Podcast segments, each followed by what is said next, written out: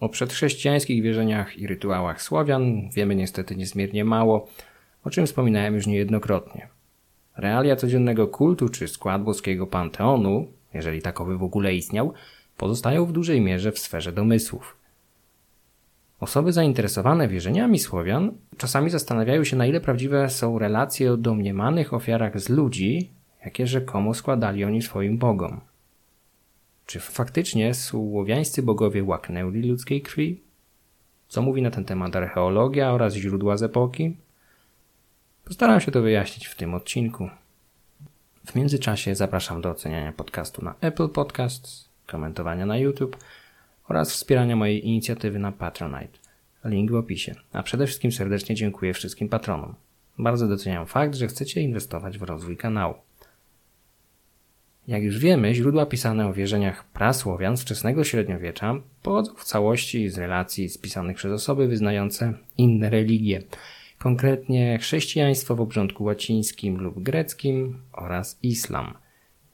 Naturalnie zdaję sobie sprawę, że mogą to być i często są to źródła stronnicze, których autorzy często byli zwyczajnie i po ludzku nieprzychylni tak zwanym poganom – w wielu pozostałych wypadkach mogli nie do końca rozumieć sens opisywanych przez siebie rytuałów, bądź korzystać z relacji z drugiej ręki, które z kolei mogły być wyolbrzymione bądź przejaskrawione.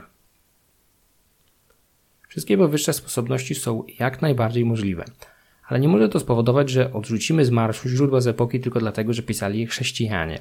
Przypisywana chrześcijańskim skrybom niechęć do pogan była jak najbardziej autentyczna i powszechna, najczęściej objawiała się w dumnym poczuciu wyższości.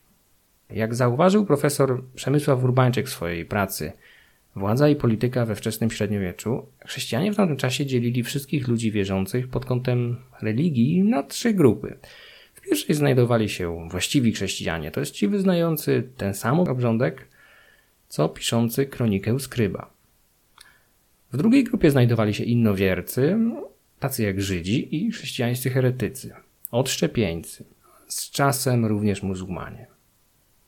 Były to grupy często bezlitośnie zwalczane, ale w pewnym sensie rozumiane i traktowane jako błądzący, z którymi można było na przykład podjąć debatę religijną.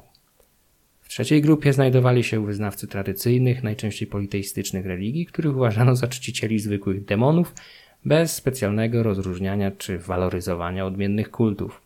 Był to najniższy poziom. Ludzie, z którymi nie było sensu podejmować dyskusji. Można było jedynie starać się pokazać im prawdziwą drogę tym aroganckim poczuciu wyższości okazywanym przez chrześcijan wobec religii tradycyjnych jest jednak pewna nadzieja odnośnie źródeł pisanych.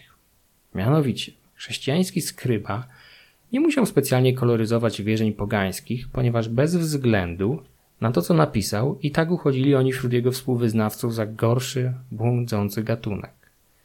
Żaden wczesnośredniowieczny duchowny nie uznałby wyznawcy Swarożyca za kogoś, z kim można prowadzić dialog równych sobie, nawet jeżeli ten drugi do swoich bogów modliłby się jedynie o, o urodzaj, składając im w ofiarach tylko i wyłącznie niewinne płody rolne. Z licznych relacji oraz wykopalisk wiemy zaś, że na pogańskich stanowiskach interpretowanych jako miejsca kultowe często znajdowano kości zwierząt, sporadycznie zaś szczątki ludzkie. Jednym z pierwszych kronikarzy, do których się odwołamy, będzie arabski Ibn Rostech, który zanotował zwyczaje związane z wieszaniem ludzi i zwierząt w kontekście rytuałów Rusów. Fragment, który zacytuję, znajduje się w Księdze Drogocennych Klejnotów spisanej na przełomie IX-X wieku.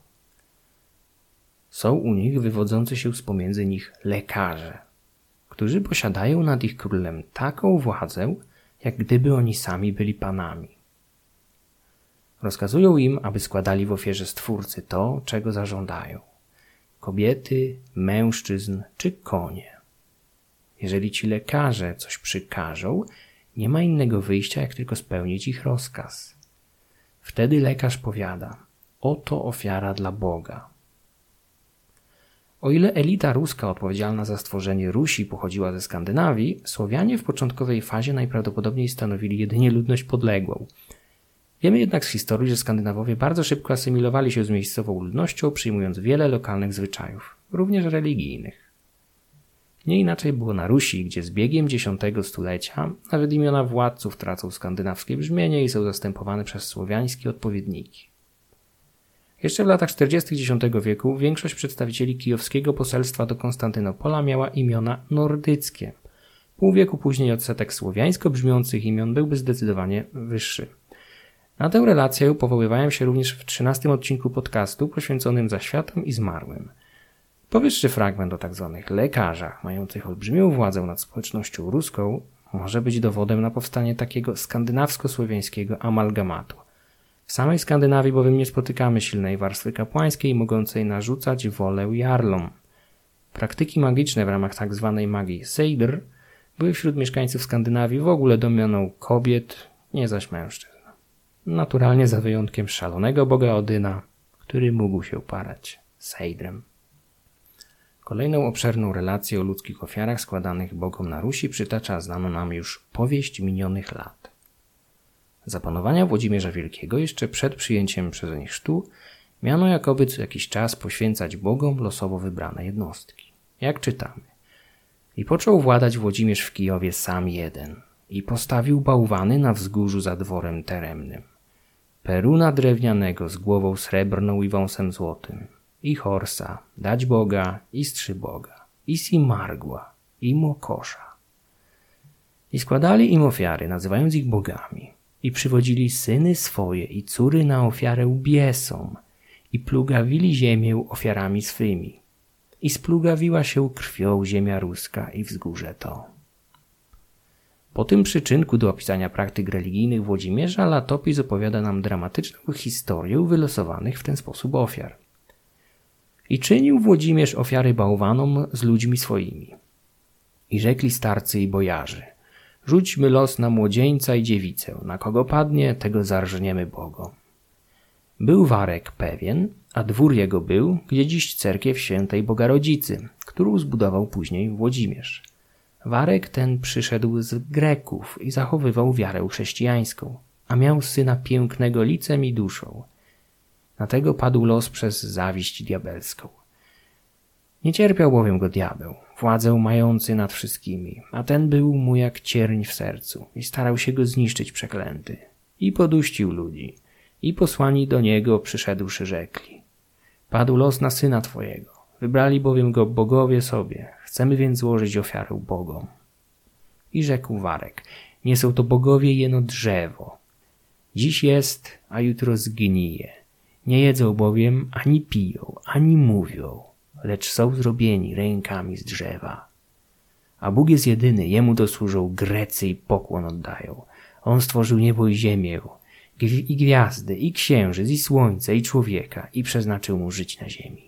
A ci bogowie co zrobili? Sami zrobieni są. Nie dam syna swojego biesom.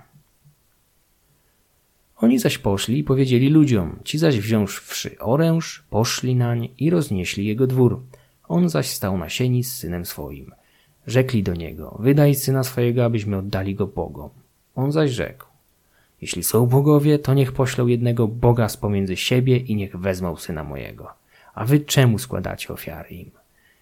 I krzyknąwszy, podrąbali sień pod nim. I tak zabili ich. I nie wie nigdy, gdzie pochowano ich. Byli bowiem wtedy ludzie ciemni i poganie. Diabeł radował się z tego, nie wiedząc, że tak rychło miała nastąpić zguba jego. Warek, o którym mowa, był najprawdopodobniej przez jakiś czas najemnikiem w Konstantynopolu, chociaż jego przynależność do słynnej gwardii wareckiej wydaje się wątpliwa, gdyż została ona założona przez cesarza Bazylego po 988 roku na mocy postanowień układu z pogańskim jeszcze Włodzimierzem, który miał wspomóc cesarza Bizancjum kilkoma tysiącami swoich wojowników i przyjąć chrzest, w zamian otrzymawszy rękę siostry Bazylego, księżniczki Anny. Jeżeli męczeństwo Waregów rzeczywiście miało miejsce za czasów, gdy Włodzimierz był poganinem, ów stary Rusin, zabity razem ze swoim synem, nie mógł należeć do legendarnej gwardii, ale w żadnym wypadku nie wyklucza to jego służby u tzw. Tak Greków, jak określano często w źródłach Bizancjum. Naturalnie, chronologia wydarzenia może być niepewna, a sama ofiara może być literackim zabiegiem mającym na celu wzburzyć późniejszych chrześcijańskich czytelników. Nie jesteśmy tego dzisiaj w stanie ani w pełni wykluczyć, ani stuprocentowo potwierdzić. Jest to jednak kolejna relacja zawierająca cenną informację o praktykach składania Bogom Rusi ofiar z ludzi. Sam proceder jest zaś bardzo podobny do tego opisanego przez wspomnianego wcześniej Ibn Rostecha. Nawet jeżeli postacie chrześcijańskich męczenników były wymysłem literackim, sam proceder mógł mieć jak najbardziej miejsce. Rusowie Bizancjum podziwiali, czerpali z lizeń wzory, chętnie handlowali nad Złotym Rogiem, ale niejednokrotnie dawali się we znaki władcom z nad Bosforu. Jeden z takich najazdów, dokonany przez kniazia Światosława w 969 roku, Grecy zdołali opatrzyć komentarzem historyka, który szczęśliwie dotrwał do naszych czasów. Leon Diakon pisze o krwawych obrzędach dokonywanych przez Słowian po jednej z bitew. Kiedy zapadła noc i podczas pełni księżyca wyszli na równinę i dokładnie obejrzeli swoich zmarłych. Po zebraniu zwłok pod murem i rozpaleniu wielu ognisk, poddali je kremacji i nad nimi poderżnęli gardła większości więźniów, mężczyzn i kobiet, zgodnie ze zwyczajem ich ojczyzny. Jako ofiary dla zmarłych topili nieodsadzone od piersi niemowlęta i koguty na Istros, wrzucając je do szybko płynącej rzeki. Pod nazwą Istros kronikarz miał na myśli dzisiejszy Dunaj. Ofiary z ludzi składane podczas pogrzebu własnych martwych nie muszą się wydawać dziwne, jeżeli przypomnimy o relacji Ibn Fadlana z 922 roku o pogrzebie wodza Rusów, przytaczanej przeze mnie w odcinku 13 poświęconym zaświatom. Zmarłemu wodzowi poświęcono wówczas młodą niewolnicę, która odeszła razem z nim w zaświaty jako małżonka martwego mężczyzny. Bliższy naszym rejonom merseburski biskup Titmar donosił w swojej niezastąpionej kronice o poświęceniu w 986 roku chrześcijańskiego dowódcy jakiegoś anonimowego grodu zdobytego przez czeskiego księcia Bolesława II. Czesi byli sprzymierzeni z pogańskimi lucicami przeciwko Mieszkowi, księciu Polan, wspieranemu przez Sasów. Po bitwie książę wydał w ich ręce pokonanego przeciwnika. Jak donosi Titmar.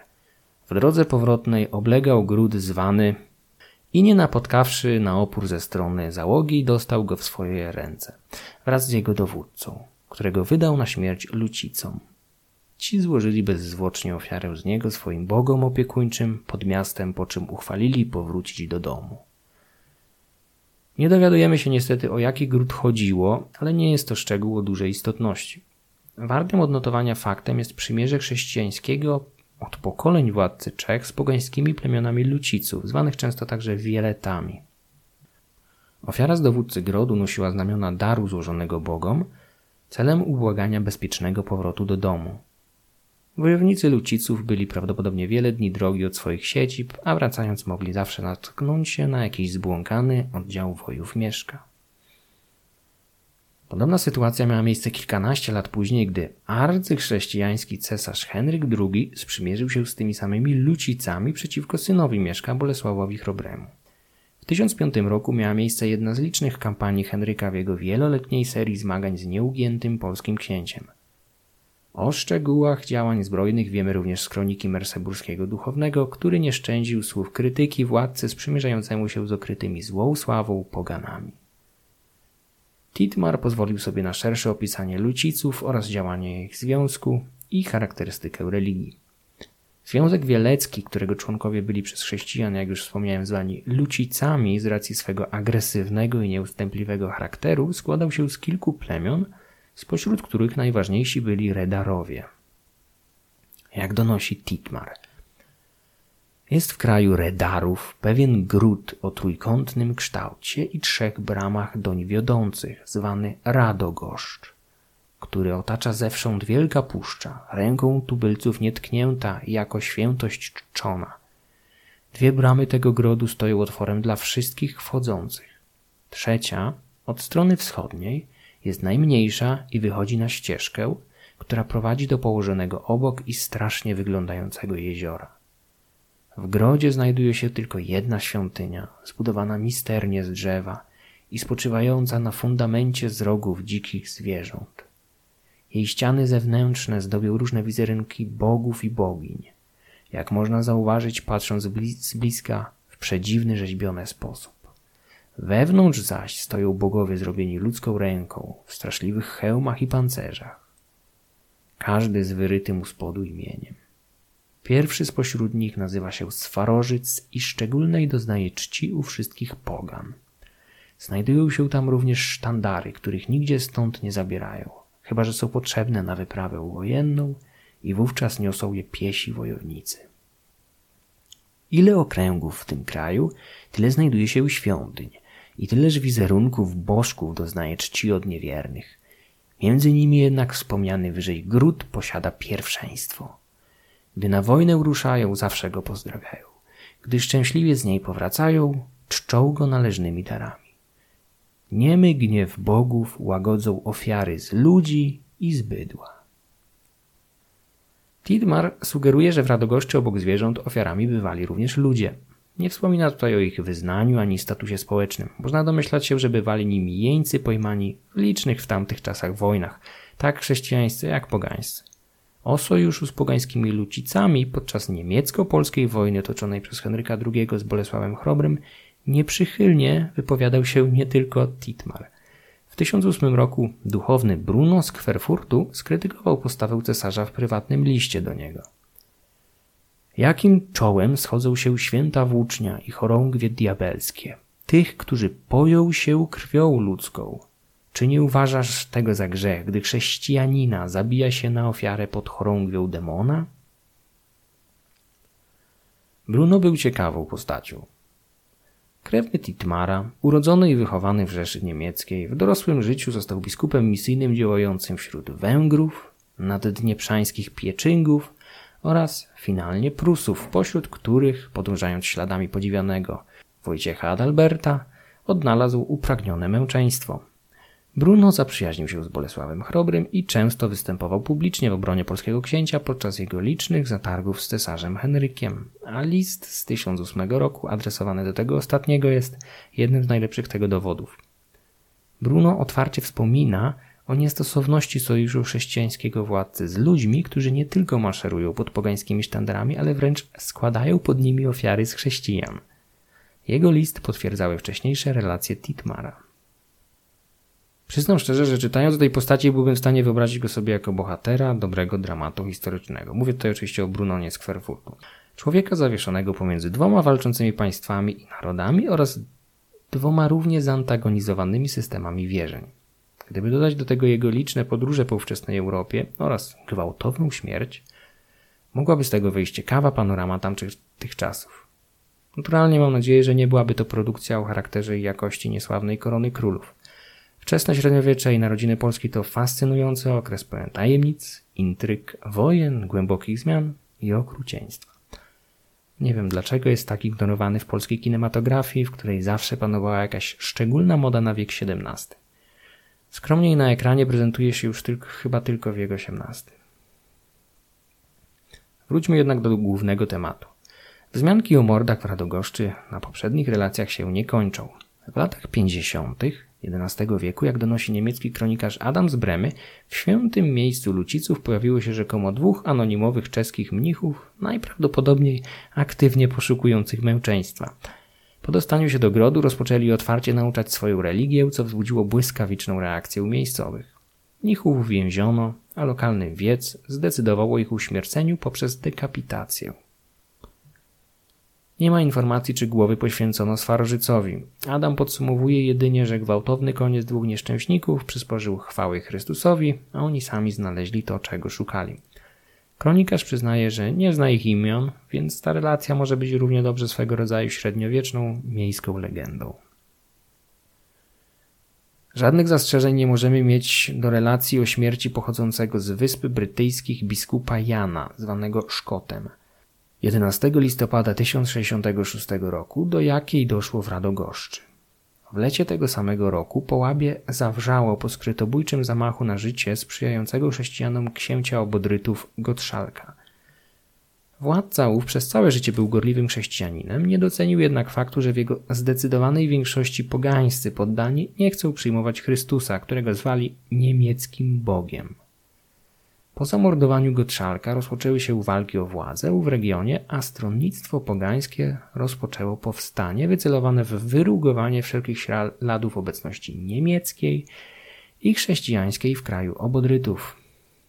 Miejscowego biskupa Jana pojmano i przekazano redarom, ci zaś zgotowali mu pożałowania godny los, który opisuje Helmold z Bozowa.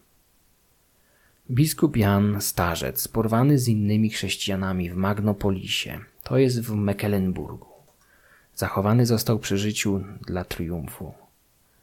Ten więc za wyznawanie Chrystusa naprzód kijami zbity, potem uprowadzony był po różnych miastach słowiańskich na urągowisko, a gdy do wyrzeczenia się imienia Chrystusa przyprowadzonym być nie mógł, ciało jego z obciętymi rękoma i nogami zostało na ulicę wyrzucone.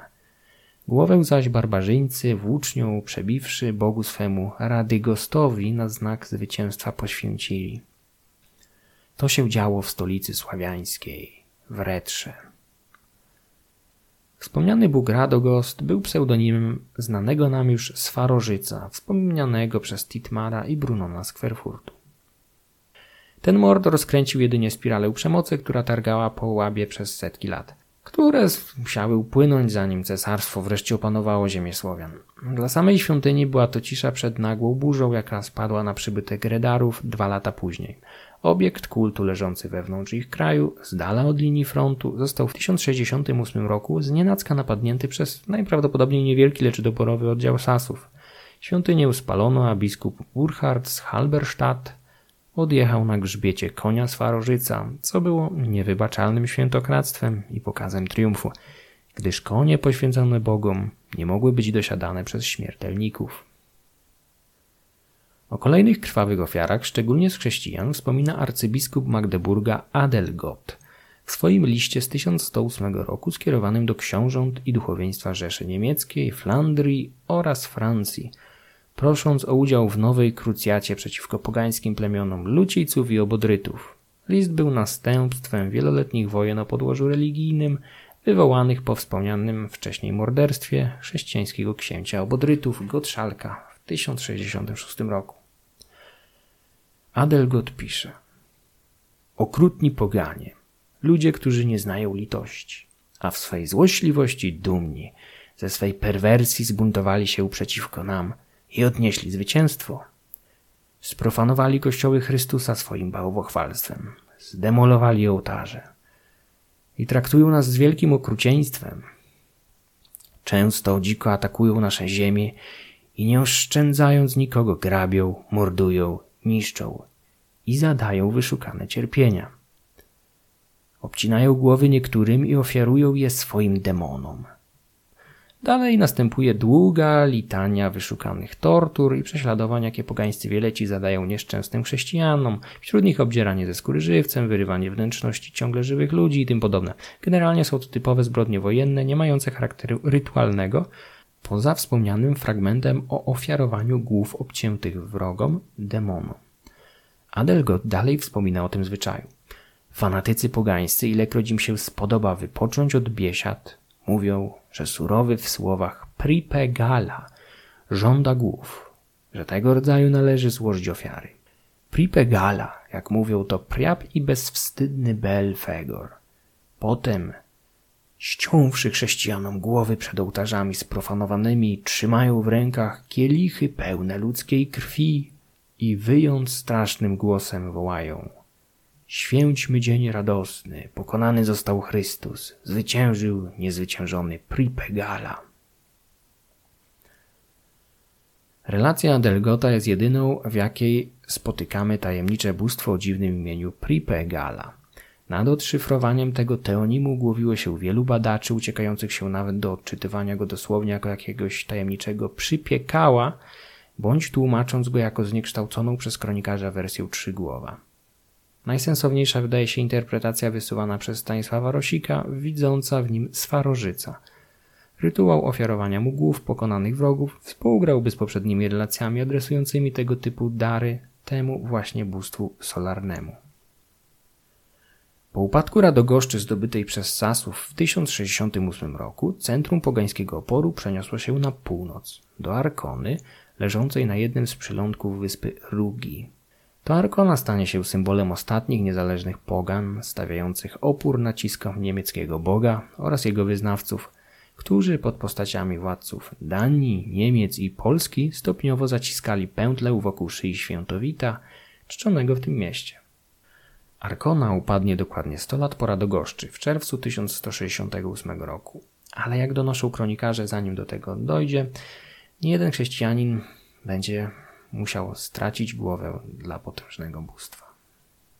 Proboszcz z Bozowa, Helmold, w swojej kronice Słowian informuje nas, że król u nich w porównaniu z kapłanem mało znaczy. Ten bowiem bada odpowiedzi i wypadek losów. Kapłan zależy od skinienia losów, król zaś i lud od jego woli. Pomiędzy różnymi ofiarami kapłan zwykł czasem chrześcijanina na ofiarę przynosić, wmawiając w lud, że bogowie szczególnie lubią krew tego rodzaju. Zdarzyło się przed kilku laty, że się tam zebrała nader wielka liczba kupców dla rybołówstwa. W październiku bowiem, gdy wiatr wieje gwałtowniej, wiele się tam śledzi poławia i wtedy kupcy mają wolny przystęp byleby przedtem Bogu tej ziemi zapłacili dań mu należną. Był tam wtedy przypadkiem jaki Gottschalk, sługa Boży z Bardowichu, zaproszony po to, żeby przy takim napływie ludności służbę Bożą odprawiał. To się długo nie ukryło przed tym barbarzyńskim kapłanem, który, zwoławszy króla i naród, objawił im, że bogi silnie są zagniewane i że gniew ich nie inaczej złagodzony być może jak krwią kapłana który śmiał pośród nich obce obrzędy religijne odprawiać. Wtedy lud barbarzyński przelękniony zwołuje tłum kupców i prosi, by mu wydali kapłana. A to dla przyniesienia Bogu błagalnej ofiary. Gdy chrześcijanie się wzbraniali, lud ofiarował im sto marek w denarze, lecz gdy nic nie wskórali, zaczęli próbować przemocy i na dzień następny objawili wojnę. Wtedy kupcy, naładowawszy już swoje okręty połowem, owej nocy puścili się w drogę i poruszywszy żagle, przyjaznym wiatrom, siebie i kapłana od straszliwych niebezpieczeństw uchronili. Historia kapłana, któremu udało się w ostatniej chwili uniknąć okrutnej śmierci, może być prawdziwa. Co prawda można posądzać kronikarzy o stronniczość, gdyż prawie wszystkie relacje mówią tylko i wyłącznie o ofiarach z chrześcijan. Czy to propaganda? Przesadna histeria? Nie sądzę. W społeczeństwach indoeuropejskich ofiary z ludzi nie były nigdy czymś stosowanym na porządku dziennym. Składano je Bogom w chwilach wyjątkowych, jak wojny, głód, zaraza bądź przebłaganie świętokradztwa. Wielu zamordowanych misjonarzy bądź duchownych uważano właśnie za osoby popełniające zbrodnie świętokradztwa, bo jak inaczej określić człowieka, który staje w świętym gaju Twoich ojców i zaczyna machać siekierą niebezpiecznie blisko najszlachetniejszego dębu, Wysoki współczynnik występowania misjonarzy i duchownych w wyżej wymienionych historiach nie jest niczym niezwykłym. Kolejną cechą predestynującą ich do bycia ofiarami była ich obcość, pochodzenie spoza nawiasu tradycyjnego społeczeństwa. Zabicie członka swojego plemienia mogło nieść zemstę jego rodziny, było mordem, który błyskawicznie mógł uruchomić odwet, a taki należało przecież pomścić i tak bez końca. Natomiast zabicie niewolnika, misjonarza czy jeńca wojennego nie rodziło takich dylematów. Dlatego wspomniana przeze mnie wcześniej relacja o wylosowaniu syna kijowskiego Warega, chrześcijanina, może zawierać ziarno prawdy. Człowiek ten prawdopodobnie był w stolicy państwa Włodzimierza obcym, pozbawionym silnych relacji i koneksji. Do tego jako wyznawca obcej religii, która z założenia podważała wiarygodność obowiązującego kultu, mógł być potraktowany podobnie jak wspomniani misjonarze. Kamil Kajkowski w swojej książce Mity, Kult i Rytuał zwracał również uwagę na potencjalny charakter rytualny towarzyszący zabójstwom innych misjonarzy, których normalnie nikt nie traktowałby jako ofiary kultowe. Święty Wojciech został co prawda zabity pchnięciem włóczni, ale już po śmierci obcięto mu dodatkowo głowę toporem. Ciało Wojciecha poćwiartowano podobnie jak miało to miejsce w późniejszym o kilkadziesiąt lat przypadku biskupa Jana zamordowanego w Radogoszczy – Głowę zaś zatknięto na drzewie obdarzonym przez lokalną ludność czcią. Wspomniany przeze mnie wcześniej Bruno z Kwerfurtu również zginął w kraju Prusów i chociaż relacje co do przebiegu oraz łącznej sumy ofiar zdarzenia różnią się w szczegółach, to we wszystkich Bruno zostaje pozbawiony głowy. W taki sam sposób według cytowanych przeze mnie źródeł poświęcono ludzi w Radogoszczy i Arkonie. Warto tutaj wspomnieć także o świętym Ottonie z Bambergów, który ponad 100 lat później w podobnych warunkach omal nie został zabity w ofierze Trzygłowowi w Szczecinie. Najprawdopodobniej poganie przez większą część koegzystencji z chrześcijanami nie odczuwali jakiejś zbrodniczej skłonności do składania ich w ofierze swoim bogom.